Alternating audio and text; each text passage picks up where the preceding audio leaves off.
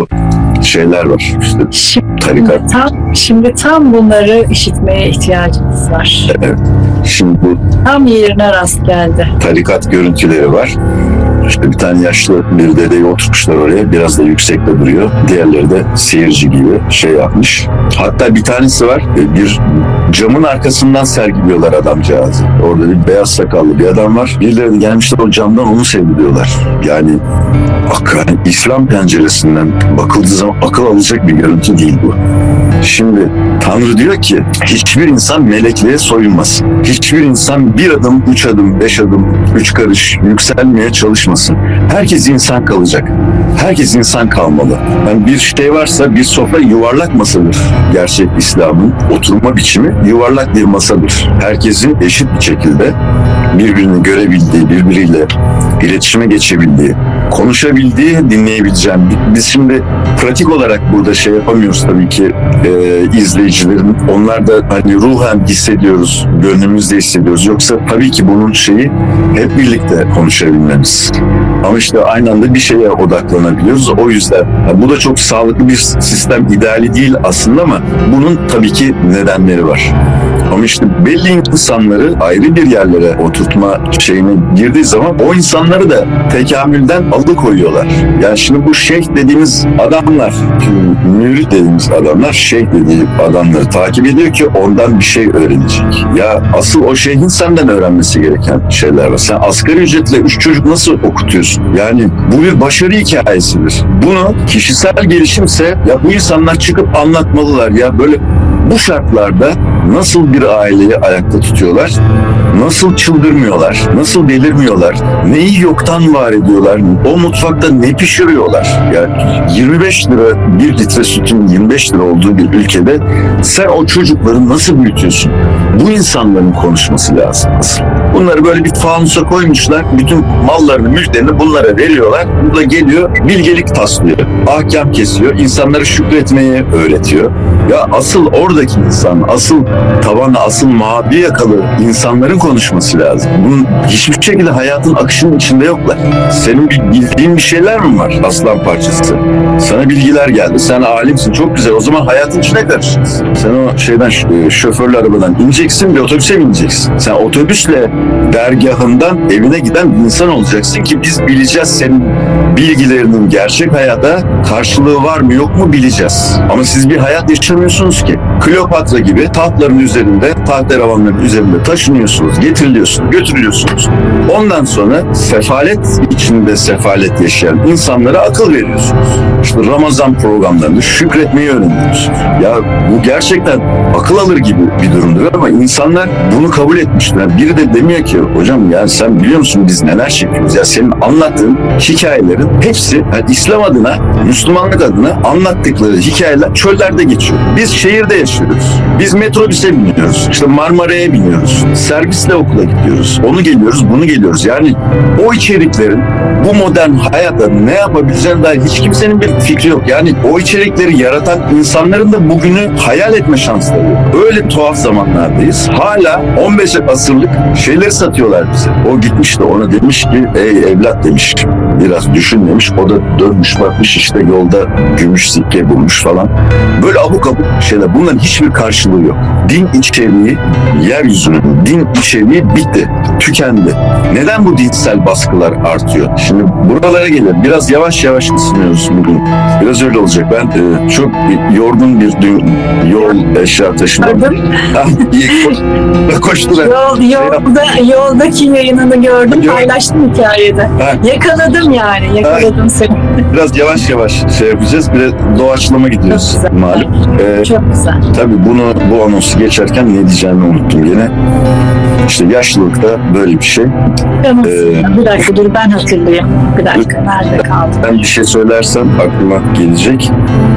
O yüzden de söz kesmiyorum aslında. Tabii. Evet, Canımsın. ben de dağıldım o yüzden. Evet. Bak, Şimdi ben bu, bununla ilgili bir şey yazmıştım. Bir sunucu, bir moderatör nasıl olmalı diye bir şey yazmıştım. Bak ve bu, bulursam göndereyim onu sana. Lütfen oku ya. Böyle olmalı. Böyle olmalı. Yani senin sen şimdi susuyorsun ama senin anlatacak bir şeyin mi yok? Hayır sen karşındakini konuşturabilmek için şey yapıyorsun. Benim öyle girdiğim ortamlar vardır ki ya işte bir yerde kıstırıyorlar seni işte Lev Mahfuz'un yazarı diye. Lev Mahfuz'un yazarını bulmuş. Çok büyük bir şey. Oturuyor. Şimdi topun oyunda kalma süresine bakalım. %51 o konuşmuştur. Ben onu dinlemişim. E, çok güzel. Ben yararlandım. Ben senin hayat hikayen. Ama sen benden duyabileceklerini duyamadan konuşma ihtiyacını giderdin. Bir daha da böyle bir karşılama, karşılaşma çok zor olacaktır. İnsanlardan yararlanamıyoruz. Dinleyemediğimiz zaman, konuştuğumuz zaman veriyoruz, alamıyoruz. Sen bu şeyleri mükemmel götürüyorsun. Bu işte ya yani aslında biz ne konuşalım desek de içeriği belli. Yani bu dinin tarihi. Yani din çok büyük bir e, açmazla karşı karşıya. Ha şimdi hatırladım. Neyi, neyi anlatacağım. Ya unutuyorum ama bir de güzel tarafını hatırlıyorum sonra. Ya ne oldu da şimdi herkesin şunu düşünmesini istiyorum. Bütün dostlarımla. İşte 2000 yıllık Hristiyanlık. Batı'da şey olarak e, hani kendini Hristiyan ifade edenlerin oranı olarak söylemiyorum ama bir yükselişi var. İşte 1500 yıllık İslam, kaç bin yıllık Budizm. O da yükselişte. İslam. Müslüman İslam derken tabii ki tırnaklarla eşleştirmek gerekiyor. Müslümanlık kültürü. 1500 yıllık İslam modern bir zaman değil mi? Modern zamanlardayız. Dini içerik hiçbir şekilde e, bugünü karşılamıyor. Bugünün insanlarıyla ortak bir dili yok. Bir kutsal kitap diyorsun, okuyucusuyla ortak bir dil kuramıyor.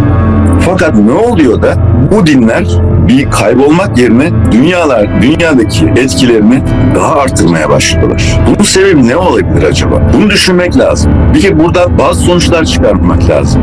Dinler hiçbir yere gitmeyecekler. Dinler hayatımızda hep olacaklar. Yani dinler hayatımızda iyi şekilleriyle, iyi halleriyle olacaksa hayatımız güzel olacak. Yani dinler kötü yaşanıyorsa hayatımız kötü olacak. Ama din bu dünyada her zaman olacak. Niye? Çünkü dinleri dünyanın ev sahibi getirdi. Şeye de astı. Apartmanın girişine de astı. Başka türlü bir apartman hayatı yaşamak mümkün değil. Yani Hristiyanlık için çok şey söylenebilir. Ee, hani içerik olarak. Oldukça hani zayıf argümanlara dayalı yani ne başı ne sonu hiçbir şekilde tutarlı bir şekilde tasarımlar yani aceleye getirilmiş. İsa'yı öldürdükten sonra apar topar oluşturmuş oldukları bir dini içerik. Fakat o beğenmediğiniz Hristiyanlık olmasa bugün Avrupa bütün devletler birbirleriyle savaşırlar. İngiltere, Almanya hepsinin kendi içlerinde hesapları var. O Avrupa'yı bir tutabilen, bir arada tutabilen güç Hristiyanlık. Şu haliyle bile, şu haliyle bile bunu yapabiliyor. Gelelim bu tarafa. Tutun ki hani şeyler var ya ateist dostlar ya hani onlar onlara göre Orta Doğu'daki bütün sorunlardan e, İslam sorumlu, sorumlu sorumlu gibi bir algıları var. Yani İslam'dan önce sanki Orta Doğu yoktu. Çok muhteşem bir yerde. İslam geldi orayı bozdu gibi bir algıları var. Bugün Lev Mahfuz'un söylediği gibi Orta Doğu'da Müslümanlığın olmadığı, dinsizliğin olduğu bir senaryoyu e, Rabbim bize yaşatmasın. Yani bu insanları baskıcı bir dinle Orta Doğu'ya kendimizi de katıyorum bu arada. Yani bu insanlar, dindar insanlar bir e, Allah korkuları var, öyle söyleniyor. Çok katı kurallara tabiler. Yani bir din bunları dizginlemek için neler yapmış değil mi? Bu kadar baskıya rağmen bu insanlar neler yapıyorlar? Bir de bu insanları serbest bıraktığınızı düşün bu insanların kendi kafalarına göre bir yaşam sürdüklerini düşünün. Kendi bencilce, kendi vahşice isteklerini. Yani din günah diye bir kavram getirmiş dünyaya. Yani bu hepimizin güvenliği için meydana getirilmiş kavramlar bunlar. Yani içkiyle ilgili belirli çizgiler çizi- çizilmiş. Yani siz Orta Doğu'da bir de alkolizm diye bir şeyin olduğunu, yaşandığını düşünsenize ya.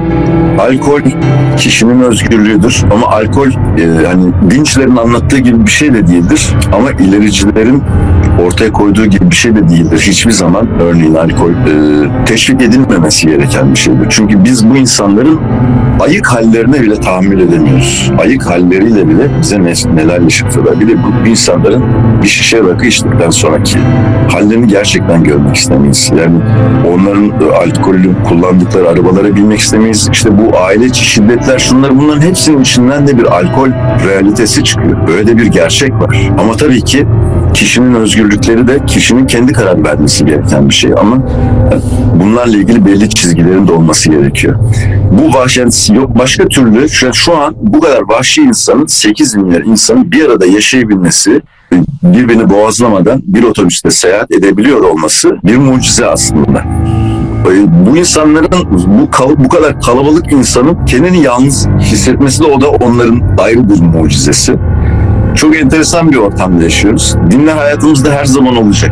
Dinsiz bir dünya hayatı düşünen, düşünmeye devam etsin. Dinler hayatta olacak. Gelecek, gelenek. Onu konuşmuştuk. Yani Ben yazdım, ters çıktı tabii. Yani bir işimde ters gitmesin. Ya, ya Bundan sonra inşallah ters gitmiyor. tabii ki. Ya terslik dediğimiz şey de o da kendi içinde O da güzel. bize öyle geliyor. Bize öyle gelen şeyler ama bilin ki o bize ters geliyor ama birilerine de düz geliyor. Ve belki onun bakış açısı daha doğru. Belki biz tersteyiz. Bunlar çok bu kadar basit karar veremeyeceğimiz şeyler.